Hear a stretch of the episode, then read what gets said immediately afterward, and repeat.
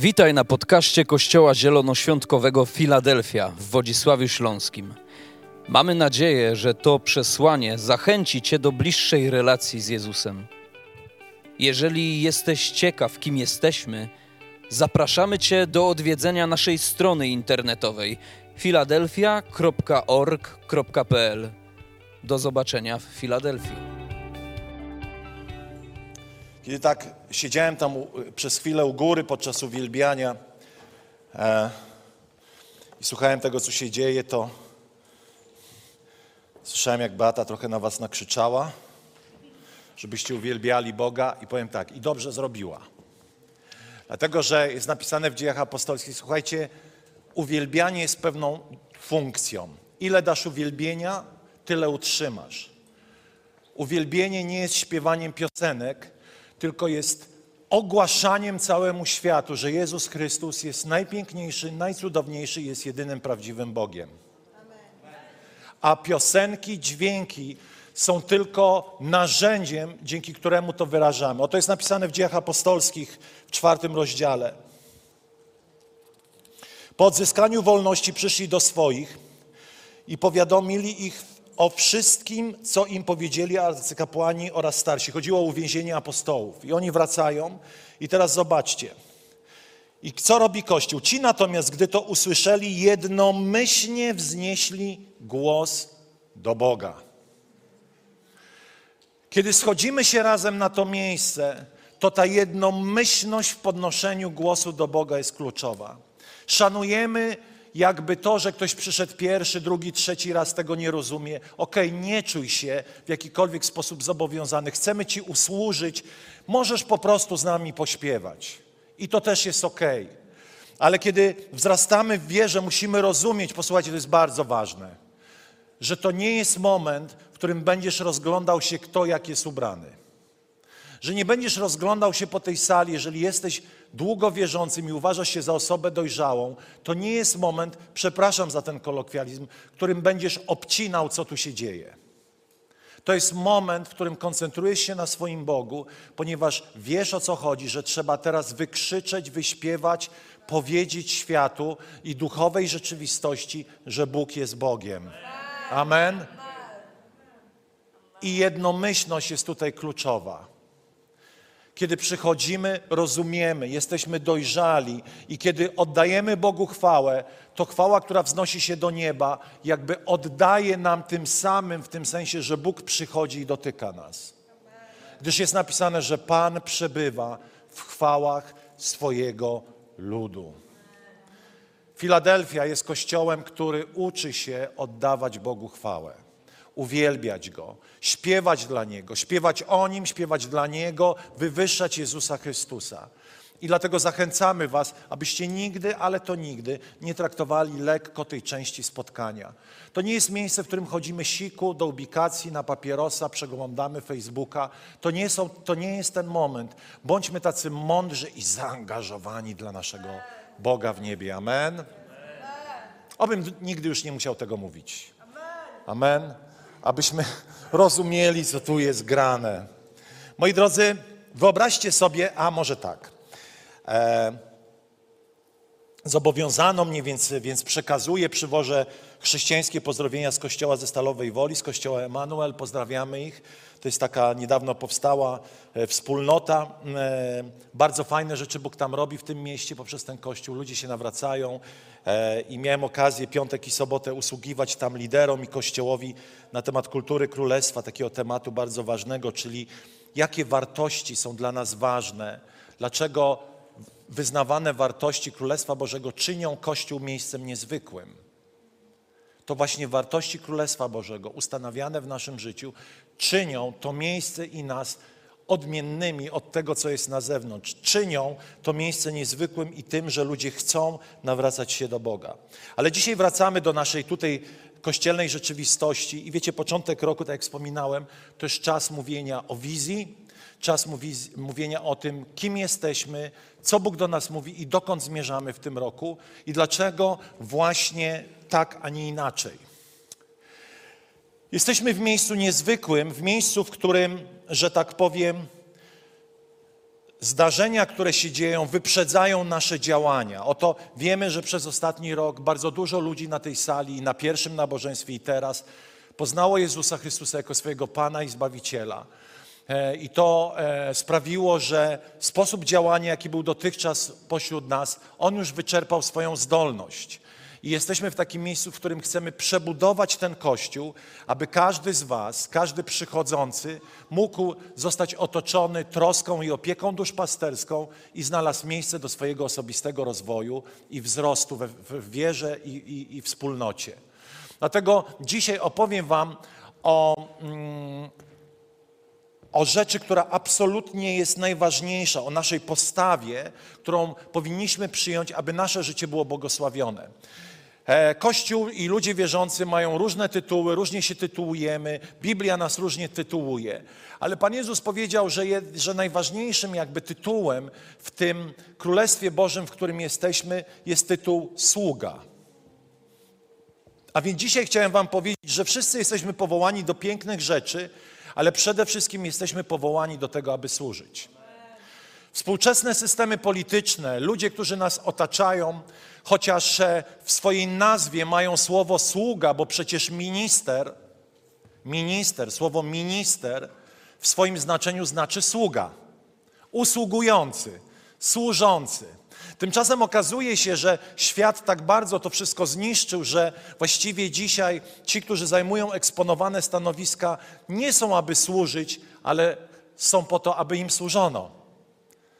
I chciałbym, abyśmy my w Kościele zrozumieli to tak, jak Pan Jezus uczył.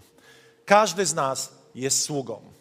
Od momentu, kiedy stajesz się dzieckiem Bożym, otrzymujesz tytuł dziecka Bożego, stajesz się częścią Bożej rodziny, w której służysz. Mało tego, Biblia mówi, że kiedy będziesz służył, będziesz szczęśliwy. I chciałbym dzisiaj o tym Wam powiedzieć. A więc przemieniony, aby służyć. Wow, jakie to cudowne. Czasami chcemy usłyszeć przemieniony, aby coś od Boga wziąć, otrzymać, i to jest ok. Dlatego, że sam Pan Jezus mówi o tym, że On przyszedł, aby nam służyć. Czy wiesz o tym, że Bóg przyszedł, aby Ci służyć? Ale uczy nas, że On służy nam, my służymy Jemu i sobie nawzajem. A więc przemieniony, aby służyć. Pomyśl na chwilę o rodzinie Twoich marzeń. Bo dzisiaj chciałbym trochę powiedzieć o domu, o rodzinie, o tym bezpiecznym miejscu. Często mówimy o Filadelfii, zaczerpnęliśmy to hasło, trochę je podkradliśmy z innych kościołów. Witamy w domu. Witamy w domu, bo chcemy, żeby to miejsce kojarzyło nam się nie z martwą i suchą religią, ale z czymś dobrym, z atmosferą domu, a atmosferę domu nie tylko tworzą przedmioty i ładny wystrój, ale atmosferę domu tworzą ludzie.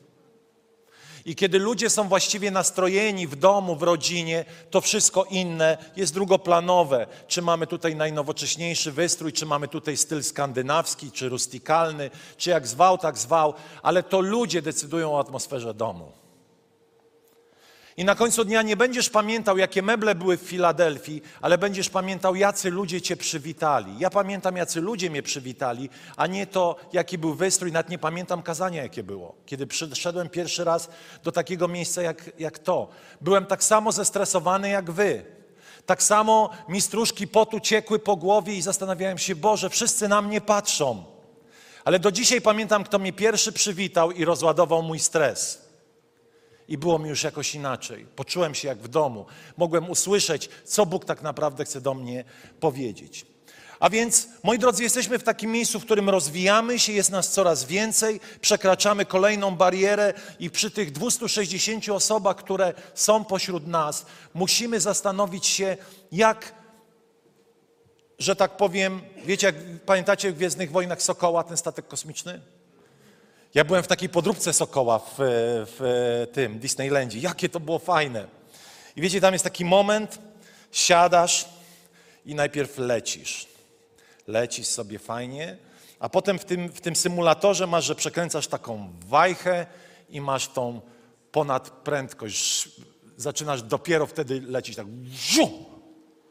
Poszedł. I my jesteśmy w takim miejscu, w którym chcemy włączyć ten przełącznik i pójść dalej, rozpędzić się, sięgnąć po więcej. Ale to wymiana Twojej, to wymaga od Ciebie i ode mnie osobistej zmiany, że jeżeli jesteś długo w kościele, to już nie będzie jak było.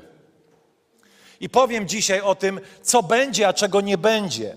Ale zacznę od tego, że Jezus mówi o tym, że Jezus pokazuje nam przykład z dziejów apostolskich, szósty rozdział, 1 do 7. E, nie, przepraszam, przepraszam. Dzieje apostolskie, tak, ja to przeczytam, szósty rozdział 1 do 7, mniej więcej jest podobna historia, która dzieje się u nas. Oto jest pierwszy kościół, w tym pierwszym kościele na, nawracają się ludzie, nawraca się tych dużo ludzi, a uczniów jest tylko niewielu. Apostołów jest tylko niewielu i zaczynają się problemy. I wiecie, i to jest trochę jak u nas. Ludzi przybywa, i my musimy coś zmienić, żeby odpowiedzieć na Wasze potrzeby, aby uczynić Was dojrzałymi, abyście wzrastali w wierze. I oto jest napisane, a w tym czasie, gdy liczba uczniów rosła, heleniści zaczęli zarzucać Hebrajczykom, że przy codziennej posłudze lekceważą ich wdowy. Wówczas dwunastu zostało, zwołało pozostałych uczniów i wystąpiło z taką propozycją. Byłoby rzeczą niepożądaną, gdybyśmy zaniedbywali słowo Boga, a zajęli się usługiwaniem przy stołach. Dlatego znajdźcie sobie, bracia, siedmiu mężczyzn cieszących się powszechnym, obo, e, powszechnym uznaniem, pełnym Ducha Świętego i mądrości, którym moglibyśmy zlecić ten obowiązek, a sami poświęcić się modlitwie oraz głoszeniu słowa.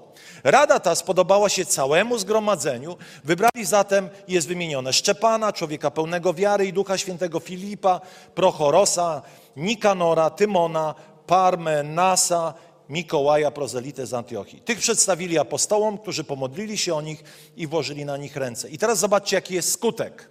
W ten sposób Słowo Boże krzewiło się i liczba uczniów w Jerozolimie niezmiernie rosła. Liczna też rzesza kapłanów dawała posłuch ich wierze. A więc to jest troszkę tak jakby u nas, tylko u nas, u nas trochę mniej. Tam były tysiące, tutaj są setki. Ale wyobrażacie sobie pójście do szkoły, w której dyrektor uczy wszystkie dzieci? Chcielibyście do takiej szkoły posłać wasze dziecko? Nie. Dlaczego? Bo niczego by ich nie nauczył. Byłby bałagan, byłby chaos, a dzieci poczułyby się zaniedbane. I dzisiaj przy tych 260 osobach musimy zastanowić się, jak jeszcze bardziej uchwycić tą wizję pierwszego kościoła, która była najlepszą wizją dla kościoła wtedy, dzisiaj i w przyszłości. I Pan Jezus zaczyna od pewnej wskazówki, która musi nastąpić w sercu każdego z nas, abyśmy mogli pójść tą prędkość ponaddźwiękową, aby to przełączenie wajchy do kolejnych nowych osób, do kolejnych nowych ludzi, którzy poznają Jezusa, odbyło się sprawnie, dynamicznie i aby Filadelfia mogła być odpowiedzią i miejscem opieki, troski i wzrostu dla wielu set, a może daj Boże tysięcy ludzi z naszego regionu, bo przecież nie tylko z Wodzisławia. Bo przecież dzisiaj przyjeżdżają ludzie z Jastrzębia, z Rybnika, z Rydutów, z Pszowa, E, z Marklowic chyba jeszcze nikogo nie ma. E, ale będzie, jest coś. A wy będziecie! A, moi drodzy, dla niewtajemniczonych to kiedyś wszystko było Wodzisław. E, ale operujemy dzisiaj na duż, dużym, dużym jakby terenie naszego regionu i chcemy być gotowi, aby jak najwięcej ludzi przyjąć i otoczyć ich opieką i troską. I Pan Jezus narzuca nam pewien sposób myślenia o nas samych.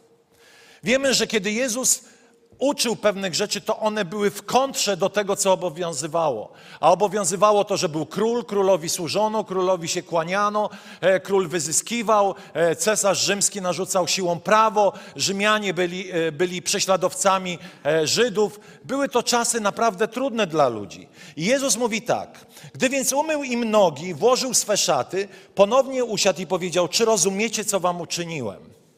Oto jest historia w Biblii, kiedy Jezus przed kolacją umywa nogi uczniom. Dlaczego umywa im nogi? Dlatego, że oni chodzili po, po świecie w tak zwanych Jezuskach. Wie, wie ktoś, co to są Jezuski? Jezuski to są takie sandały, które mają taką podeszwę i takie rzemienie. Dlaczego Jezuski? Bo, żeśmy, bo myśmy je tak nazwali kiedyś, e, bo tak się śmialiśmy, że Jezus w takich chodził. Więc e, na, na, na wschodzie no, chodziło się w takich sandałach i te sandały się wiązało i kiedy się przychodziło do domu, to według zwyczaju żydowskiego nogi gościom trzeba było umyć. zanim się jadło. Zobaczcie, tyle tysięcy lat, dwa tysiące lat temu, a jaki to był czysty naród, prawda? I do dzisiaj taki jest. A więc nogi trzeba było umyć. I Pan Jezus czyni to swoim uczniom i mówi tak. Wy zwracacie się do mnie, nauczycielu i panie, i słusznie czynicie, bo nim jestem. Jeśli zatem ja, pan i nauczyciel, umyłem wam nogi, wy również powinniście sobie nawzajem, nawzajem to czynić. Dałem wam bowiem przykład, abyście i wy to czynili, jak ja wam uczyniłem. Ręczę i zapewniam, sługa nie jest większy od swego pana, ani poseł od tego, który go posłał. Skoro już o tym wiecie, jesteście szczęśliwi, o ile będziecie tak postępować. Problemem Kościoła jest to, że wszyscy wiedzą, że mają być sługami, ale wszyscy chcą rządzić. Jest takie mądre powiedzenie, że ci, którzy nauczyli się służyć, otrzymują prawo, aby przewodzić. Ale wszystko w Królestwie Bożym zaczyna się od tego, że jestem sługą. Nawet dzisiaj jestem waszym sługą. Jestem po to, aby Wam służyć. Jestem gotowy dawać swoje życie dla Was. Poświęciłem młodość, najlepsze lata swojego życia Kościołowi i Bogu, i wiecie co? Jestem najszczęśliwszym człowiekiem na świecie z tego powodu. Ale nie jestem już w stanie więcej siebie dać, nie zmieniając czegoś w Kościele. Chcemy, aby nasza służba była efektywna, a nie efektowna. Bardzo fajnie by było myśleć w kategoriach, że jest pastor, jest jakiś kilku liderów i oni tak nam służą, a my przychodzimy do kościoła, kupujemy popcorn przed wejściem, siadamy w niedzielę, jemy popcorn i jeszcze oceniamy, czy to nabożeństwo było dobre, czy złe, czy zespół się pomylił, czy pastor miał wystarczająco dobre kazanie, żeby przyjść tutaj za tydzień, czy parking jest odśnieżony, czy nie ma odśnieżonego, bo jak jest nieodśnieżony, to pojadę do winnicy, bo tam odśnieżają. Ja nie wiem, czy tam odśnieżają. Odśnieżacie winnico? E, Pan Jezus mówi: stop orkiestra. Wszyscy zamieniamy się w sługi. I teraz Wam chcę powiedzieć, w jakie sługi. Ponieważ w tej historii został wybrany przykład najbardziej ekstremalny. Sługi, który jest najniższym sługą ze wszystkich sług. Bo co ten sługa robi? Myje nogi tak naprawdę Jezus mówi: Pokazuję wam, że zamieniam się w najniższego sługę, który ma najmniejsze kompetencje, najmniej potrafi i jedyne do czego go wzięli to do mycia stóp gościom. Sługa, który mył stopy, był najniższy w randze sługą w domach. I Jezus mówi: Jeśli ja, Pan Wszechświata, zamieniam się w sługę, to każdy z Was powinien to czynić, bo będzie, i to czynić go będzie szczęśliwym. Wiecie, jaka jest różnica między tym, kiedy służysz, a tobie się służy? Ponieważ kiedyś z tobie się służy, to możesz w takie miejsce wpaść, w którym ciągle będziesz niezadowolony, bo chcesz więcej. Bo ten, któremu się służy, bardzo często ma pewien problem serca, który ustanawia go jako człowieka roszczeniowego. I widzieliście kiedyś roszczeniowego człowieka zadowolonego? Nie. Roszczeniowi ludzie są sfrustrowani, są niezadowoleni. Oni zawsze uważają, że jest za mało, że powinno być więcej. Kiedy pójdziesz do różnych instytucji pomocy, tam jest mnóstwo ludzi roszczeniowych, który, którzy myślą, że im się należy, że oni coś wypracowali, że oni coś otrzymują, co jest ich. I pamiętam kiedyś moja małżonka powiedziała: Proszę pana, ale to, że Pan otrzymuje zasiłek, to dlatego, że mnie zabrano pewną kwotę pieniędzy, aby Panu dać. Pan nic nie ma. Pan nic nie wypracował. Pan ma tylko oczekiwania. I ludzie roszczeniowi są najbardziej nieszczęśliwymi i sfrustrowanymi ludźmi. Ci, którzy ciągle czekają, aby ciągle im coś dawać. Tymczasem ludzie szczęśliwi to są ci, którzy postanawiają po prostu wziąć sprawy w swoje ręce, zająć się swoim życiem, nie oczekiwać, nie mieć realnych oczekiwań, ale to, co mają, dzielić się, dawać i służyć. I to czyni ich szczęśliwymi. Kiedy wczoraj pojechałem do tej stalowej woli, przedwczoraj, wiecie, i to nie mówię, żeby się kreować na jakiegoś nie wiadomo tutaj kogo, ale chcę Wam opowiedzieć o moich emocjach. Jechałem w tamtą stronę i byłem taki zadowolony. To był taki mój wyjazd wolontariacki, w którym ja mówię w ten sposób: niczego od Was nie chcę, ja przyjeżdżam, pokrywam sobie wyjazd, chcę Wam służyć. Chcę zapłacić za benzynę, chcę zapłacić za koszty eksploatacji samochodu, za nocleg, za jedzenie, za wszystko. Nic od was nie chcę. I tam siedziałem dwa dni. Pod koniec drugiego dnia byłem już zmęczony i tak siedzę i tak sobie myślę, to jest jakieś nienormalne. To tak normalnie się nie robi, żeby jechać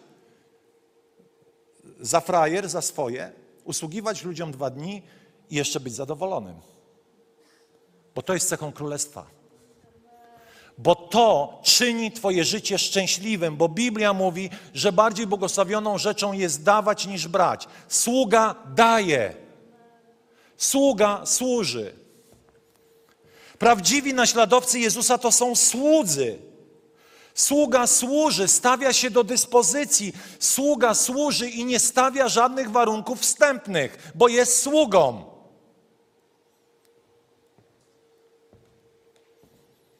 Jest gotów pracować na korzyść tego, któremu służy. Sługa nie, służy, nie służy dla swojej korzyści. Sługa pomnaża majątek, pomnaża dobra tego, któremu służy. I jeszcze głupi jest z tego szczęśliwy. Bo Królestwo Boże jest na odwrót niż system tego świata.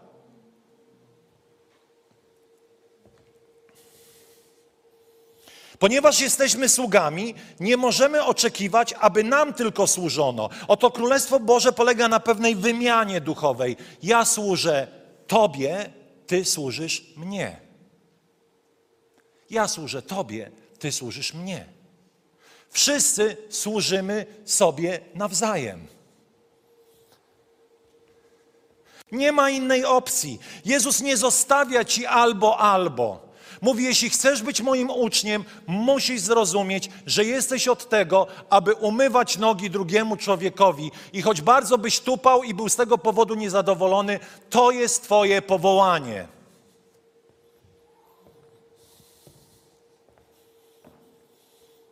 Ale wierzcie mi, bycie sługą czyni Cię szczęśliwym. Uwalnia Cię od nierealnych oczekiwań. Uwalnia Cię od rozczarowań drugim człowiekiem. Uwalnia Cię od tego, że ktoś nie jest wystarczająco dobry, poświęcony dla Ciebie. Uwalnia Cię od tego, że ktoś niewystarczająco Cię obskakuje.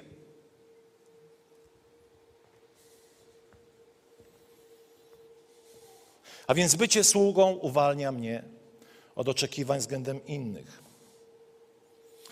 Żyjemy w świecie nierealnych oczekiwań wobec siebie nawzajem. Generalnie ludzie mają oczekiwania wobec innych ludzi, co czyni ich sfrustrowanymi. Wchodzą z pewnymi wyobrażeniami, nawet do kościoła. Wchodzą z pewnymi oczekiwaniami i niestety to jest tylko oczekiwanie jednostronne, co sprawia, że jesteś rozczarowany.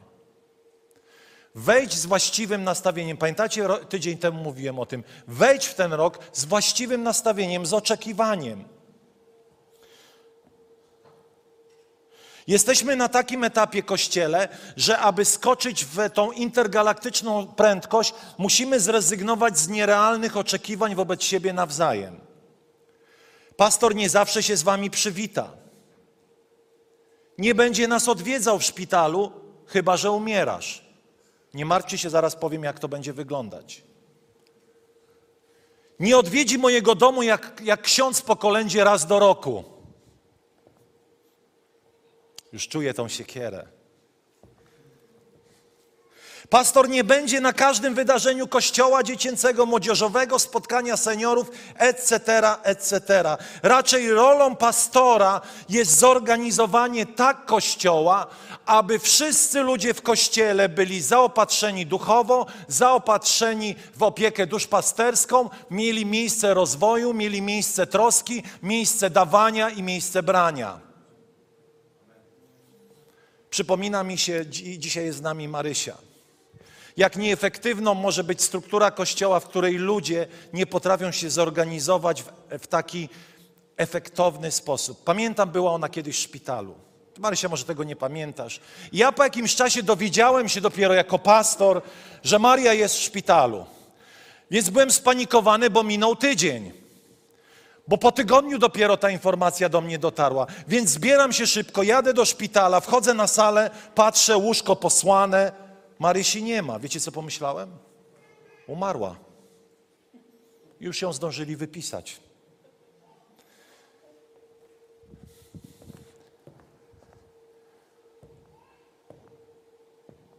Ale kiedy jesteś w małej grupie i wylądujesz w szpitalu, to Twoja mała grupa, Twój dobry dom szybko zareaguje na zdarzenie, które Cię spotkało. I za chwilę rozwinę tą myśl. Oto uczniowie mieli dokładnie ten problem. Greckie wdowy czuły się zaniedbane przez apostołów. I co robią apostołowie? Apostołowie wypuszczają swój autorytet, swoją władzę z rąk, przekazują ją diakonom i mówią: Słuchajcie, trzeba otoczyć opieką te kobiety, bo nie można ich zaniedbywać, one potrzebują naszej troski, bo chrześcijaństwo polega na trosce, chrześcijaństwo polega na, na, na, wza, na wzajemnym troszczeniu się nawzajem. I wybrali tych diakonów, diakon znaczy sługa, aby usługiwali tym ludziom. I teraz posłuchaj tego uważnie. Za każdym razem, kiedy lider kościoła przychodzi do ciebie, to przychodzi tam w imieniu pastora i tego zboru. Został mu nadany autorytet, aby on w imieniu pastora odwiedził cię i cię usłużył i się tobą zajął. Ponieważ chcemy, aby służba była efektywna, a nie efektowna. Oczywiście mamy świadomość trudnych zdarzeń i trudnych sytuacji, które mogą przerastać lidera dobrego domu. I wtedy lider takiego dobrego domu sygnalizuje: Słuchaj, dobrze by było, żebyś porozmawiał z kimś bardziej doświadczonym, w tym wypadku pastorem, albo może kimś zajmującym się służbą wśród małżeństw, jeśli to są jakieś problemy małżeńskie. Czyli jakby kieruje cię do, do osoby, która jest jakby w innym już autorytecie. I taki jest Boży porządek. Tak to po prostu jest. I wszyscy czują się zaopatrzeni, wszyscy czują się mm, e, ogarnięci troską. Kiedy nie macie miesiąc, dwa w kościele, to wierz mi, bardzo trudno jest to zauważyć na tej sali. Ale kiedy nie macie miesiąc w kościele, to Twoja grupa wie, że Ciebie nie ma i coś złego się z Tobą dzieje i trzeba Cię odwiedzić. Nie wypatrzymy przy tych 250 miejscach, nie wypatrzymy, kto przychodzi, a kto nie przychodzi. To jest niemożliwe, nierealne. Dlatego musimy być, przestać być e, e, w takich nierealnych oczekiwaniach względem siebie nawzajem.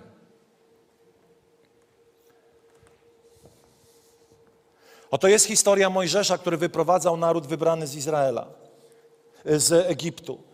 I wiecie, Izrael był naprawdę utopijnym w myśleniu czempionem, wariatem i Bóg wie jeszcze czym. On sam osobiście tym dziesiątkom tysięcy ludzi chciał służyć. Osobiście, tymi ręcami.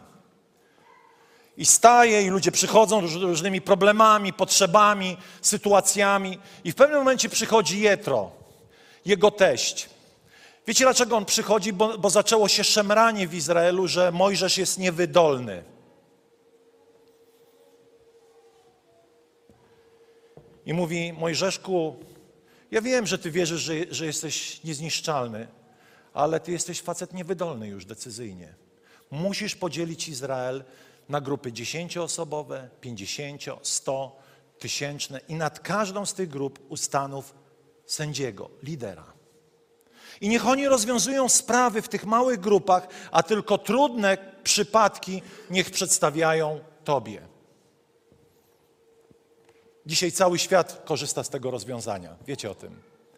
Biznesów, organizacji, z tego zdarzenia Mojżesza i jego teścia.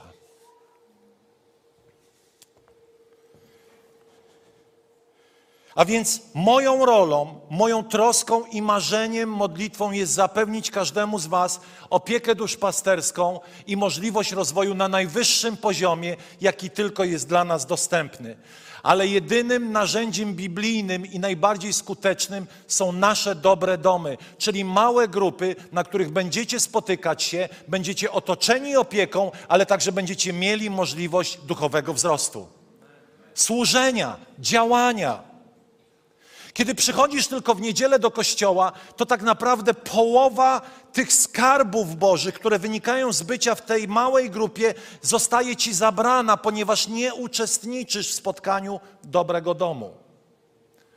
Zobaczcie, co jest napisane w Biblii o pierwszym kościele. Trwali oni w nauce apostołów we wspólnocie, razem łamali chleb i nie ustawali w modlitwie. Każda osoba była przejęta lękiem przed Panem, ponieważ za sprawą apostołów działo się wiele cudów i znaków. A wszyscy wierzący trzymali się razem, mieli wszystko wspólne i sprzedawali przy tym posiadłości oraz mienie i uzyskane w ten sposób środki dzielili między sobą, zgodnie z tym, jak kto miał potrzebę. Codziennie też jednomyślnie gromadzili się w świątyni, a łamiąc chleb po domach, przyjmowali pokarm z wielką radością i w prostocie serca. Wielbili przy tym Boga i cieszyli się łaskawym przyjęciem u całego ludu. Pan natomiast codziennie dodawał do ich grona tych, którzy dostępowali zbawienia. Jaki piękny obraz. Ten kościół nie gromadził się w świątyniach.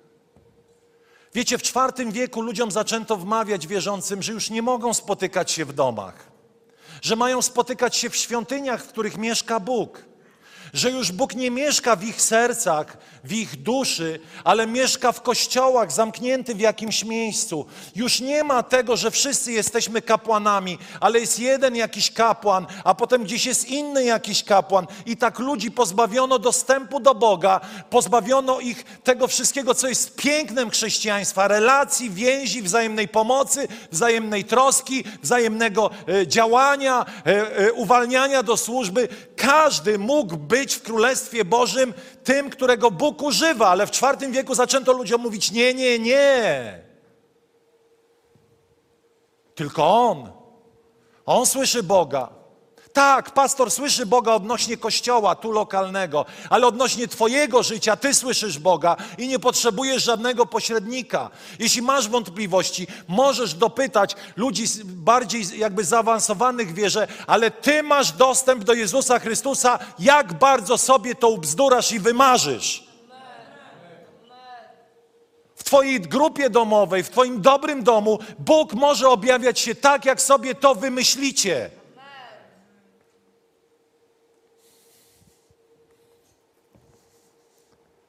I w IV wieku zabrano ludzi z domów, spędzono do kościołów. I dziwimy się dzisiaj, dlaczego historyczne chrześcijaństwo nie działa. Nie może działać, bo jego model jest tak bardzo oddalony od pierwszego kościoła, że nie może działać. Już nie ma świętych ludzi, są święte budynki. Już nie ma powszechnych kapłanów, są tylko niektórzy kapłanami. I tak okradziono nas z tego piękna bycia dziećmi bożymi.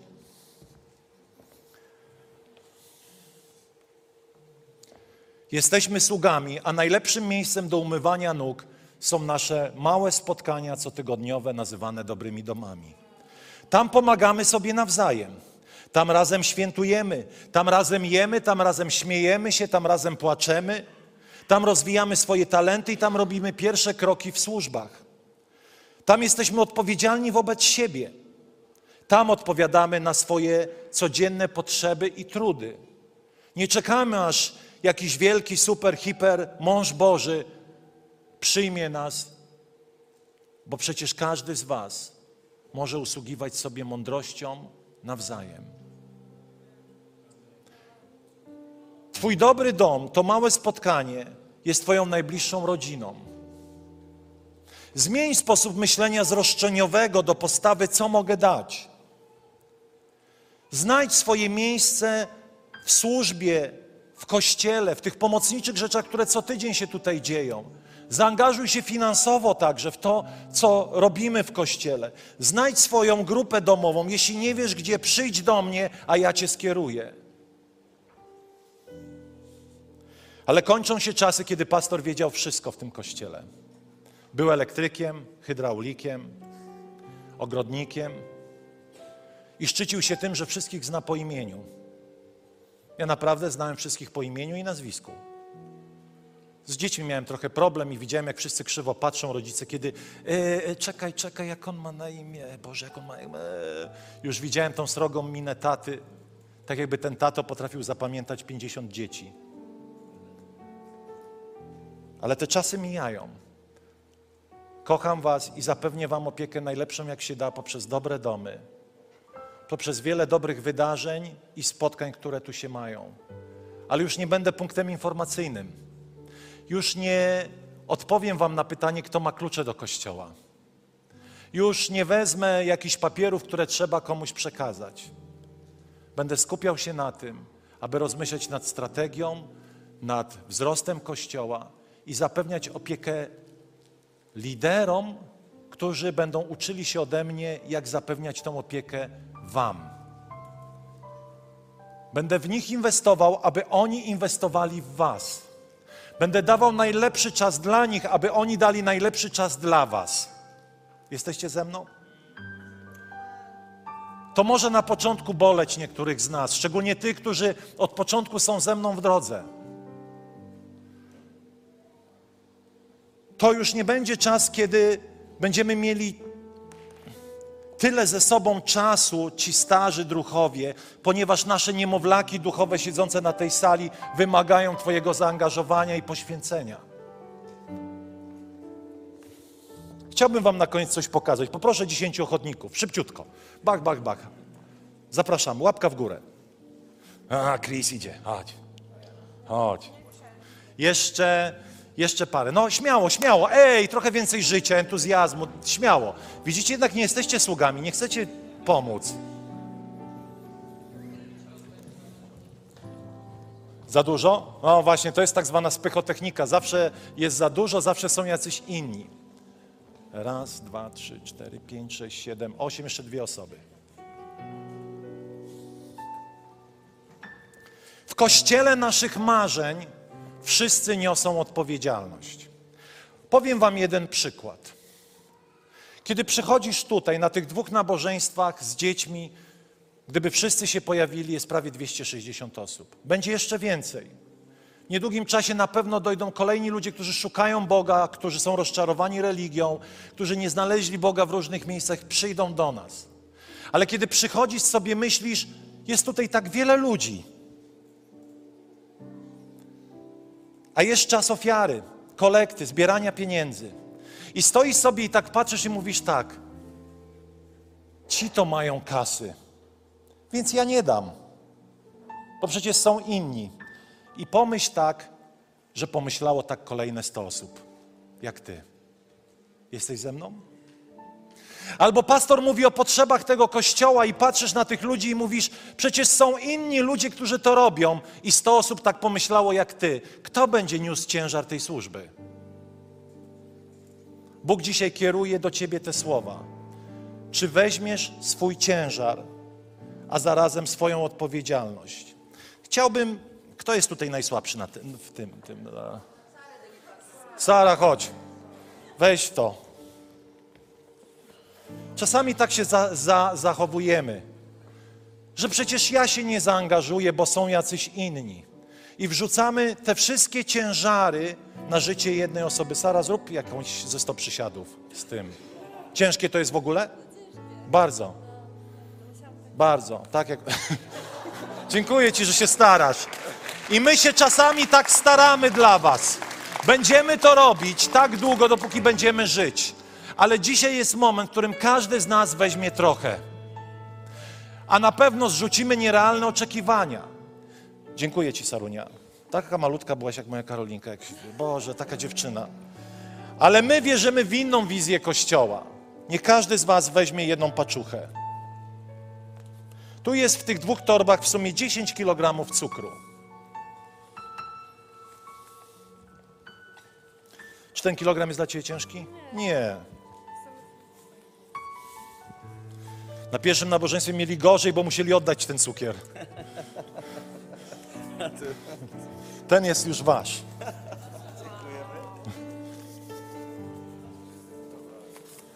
Powiedzcie mi, czy to jest ciężkie? Ale razem unieśliśmy te 10 kilosów. Jedna Sara załamałaby się pod ciężarem tego zadania. Pomimo, że to jest cukier, słodki, ważny, sprawia coś niesamowitego w naszej głowie, ponoć jest bardziej uzależniający od heroiny. Ale kiedy, jaka jest myśl tej ilustracji? Kiedy każdy weźmie trochę, to tak naprawdę ostatecznie jako Kościół zrobiliśmy dużo. I ja nie zajmuję się byciem punktem informacyjnym, wypożyczaniem kluczy, e, hydraulikiem, elektrykiem, elektromonterem i Bóg wie jeszcze kim. Chcę być w miejscu, w którym będę służył Wam jak najlepiej poprzez to, że będziemy tworzyli Kościół, który ogarnie realną opieką duszpasterską każdego z Was. Realną możliwością rozwoju służby każdego z Was. Realną możliwością rozwijania się najbardziej jak tylko chcesz, a nie iluzoryczne bebłanie o tym, jak to wszyscy możemy rozwijać się w Kościele, a nie mamy narzędzi.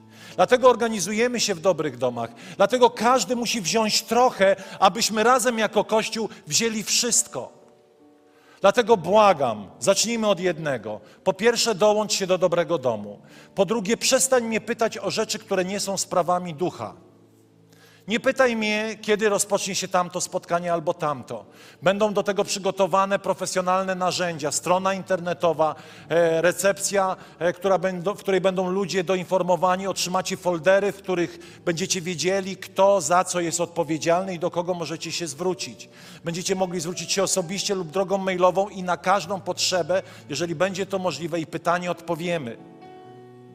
Ale musimy rozumieć, że włączamy ten przycisk w tym sokole, w którym każdy musi wziąć ciężar tej odpowiedzialności. Bardzo Wam dziękuję, cukier jest Wasz.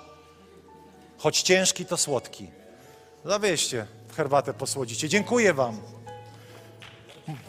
Brawa, brawa, brawa. Teraz będzie grubo na koniec, tak bardzo teologicznie. Wiecie, pierwszy kościół, ten kościół apostolski, był kościołem dlatego silnym, ponieważ każdy miał możliwość służenia. Każdy miał możliwość robienia rzeczy duchowych, które robił Jezus. Każdy miał możliwość głoszenia Ewangelii, każdy miał możliwość uzdrawiania, każdy miał możliwość uwalniania ludzi z opresji sił ciemności, każdy miał możliwość dzielenia się słowem. Zasada była tylko jedna: zacznij od małych rzeczy a będziesz zdawał do następnej klasy. Ponieważ to miejsce niedzielne nie jest dla każdego, jest dla każdego, który jest wierny w małym, który zda test wierności, który będzie wierny w swoim dobrym domu, który będzie hojny, który będzie gotowy służyć. Wiecie, ja tutaj nie przyszedłem do Was przywieziony w teczce. Przyszedłem z miejsca, w którym składało się ulotki, w którym myło się toalety. Nie, ja nie myłem toalety. Przepraszam, powiem, to Beata Mazurek myła, tak? Beatko, gdzie jesteś? Tak, tak zaczynałaś. Tak zaczynałaś. Wielu z nas zaczynało od prostych rzeczy. Brat Bogdan, który jest dzisiaj liderem kościoła, proroczym głosem, zaczynał od odrobienia kawy dla więźniów, do których jeździliśmy na spotkania, do, do, do Raciborza. Nikt nie stał się, nikt nie, nie wskoczył na to miejsce dlatego, że był fajny. Ale wszystko się zaczyna od służenia, kochani. Józef, zanim został premierem, wylądował w więzieniu, w najciemniejszym miejscu i tam zdał test wierności. Służył więźniom, służył namiestnikom więziennym. Bo wiecie, jaka jest zasada Bożego Królestwa? Do wielkości się schodzi. Do wielkości się schodzi. A więc schodzi się w ten sposób, że kiedy widzisz, że ktoś potrzebuje, aby mu nogi umyć, szukam mężczyzny, no nie ma, to ja schodzę i myję nogi. I nie jest mi ciężko. I nie jest mi źle z tym, że coś mi spada z głowy, jakaś korona. Jest taka piosenka, możesz kupić koronę, ale ona nie czyni cię królem. Możesz udawać wielkiego męża Bożego, ale to cię nie czyni. Wielkim człowiekiem cię zawsze czyni zdolność do służenia zdolność do uniżenia nad ludzkim problemem, zdolność do zapłacenia ceny z czasu, z pieniędzy, z talentów, aby pomóc drugiemu człowiekowi wzrosnąć i uczynić go większym od siebie. Kończąc, bo list do Efezjan mówi tak, a on uczynił apo jednych apostołami, prorokami, ewangelistami, nauczycielami i pastorami. Aby co? Aby ciągle karmić nieskończenie te owieczki, które będą otyłe, grube i opasłe? Nie ja jestem tutaj po to, aby przekazać Ci coś, co zbuduje Twoją wiarę i Ty pójdziesz w moje ślady. Dzisiaj ja Tobie służę, ale przyjdzie moment, kiedy Ty będziesz służyć innym, ponieważ przyjęłaś to, czego Cię uczono. Ponieważ Kościół apostolski to nie jest Kościół jednych, pojedynczych, świętych person. To jest Kościół rodziny, która służy sobie nawzajem, służy temu upadłemu światu, a te pięć urzędów, o których Biblia mówi, jest po to, aby was nauczyć tego, co sami potrafimy. I abyście wy przyjęli te urzędy i szli dalej. Czy to znaczy, że każdy robi co chce? Nie, oczywiście wiemy, że pastor z liderami czuwa nad stadem, że Kościół nie jest prowadzony przez demokrację, że Kościół nie jest prowadzony przez to, że każdy robi co chce. Ale jeżeli będziesz gotowy stać się sługą, to zajdziesz wysoko w Królestwie Bożym, bo do wielkości się schodzi. Amen. Moi drodzy, wstańmy, pomodlimy się na koniec. Jeżeli macie jakiekolwiek pytania, czujecie może jakiś dyskomfort, chciałbym, abyście czuli się bezpiecznie w tym wszystkim. Tak naprawdę z praktycznego punktu widzenia nic się nie zmienia aż tak bardzo, bo to jest coś, co my praktykujemy od wielu lat. Ale ponieważ wiemy, że jest dużo nowych osób i będzie coraz więcej, to chcemy przypominać, dopracować, przeorganizować pewne rzeczy, udoskonalić. Ale może dzisiaj jesteś osobą, która potrzebuje Jezusa i jakby kompletnie Cię nie interesują jeszcze te wszystkie dobre domy, te wszystkie bycie sługami. Dzisiaj jest moment, w którym możesz powierzyć swoje życie Bogu i powiedzieć: Panie Boże, chcę nawrócić się do Ciebie, pójść za Tobą. Jeżeli choć jedna osoba taka jest na sali, podnieś swoją rękę, bo się chcę z Tobą pomodlić. Jeżeli dzisiaj chcesz powierzyć swoje życie Bogu, stać się dzieckiem Bożym, chrześcijaninem, odwrócić się od grzechów i pójść za Nim, to tam, gdzie jesteś, możesz dać znak przez podniesienie ręki.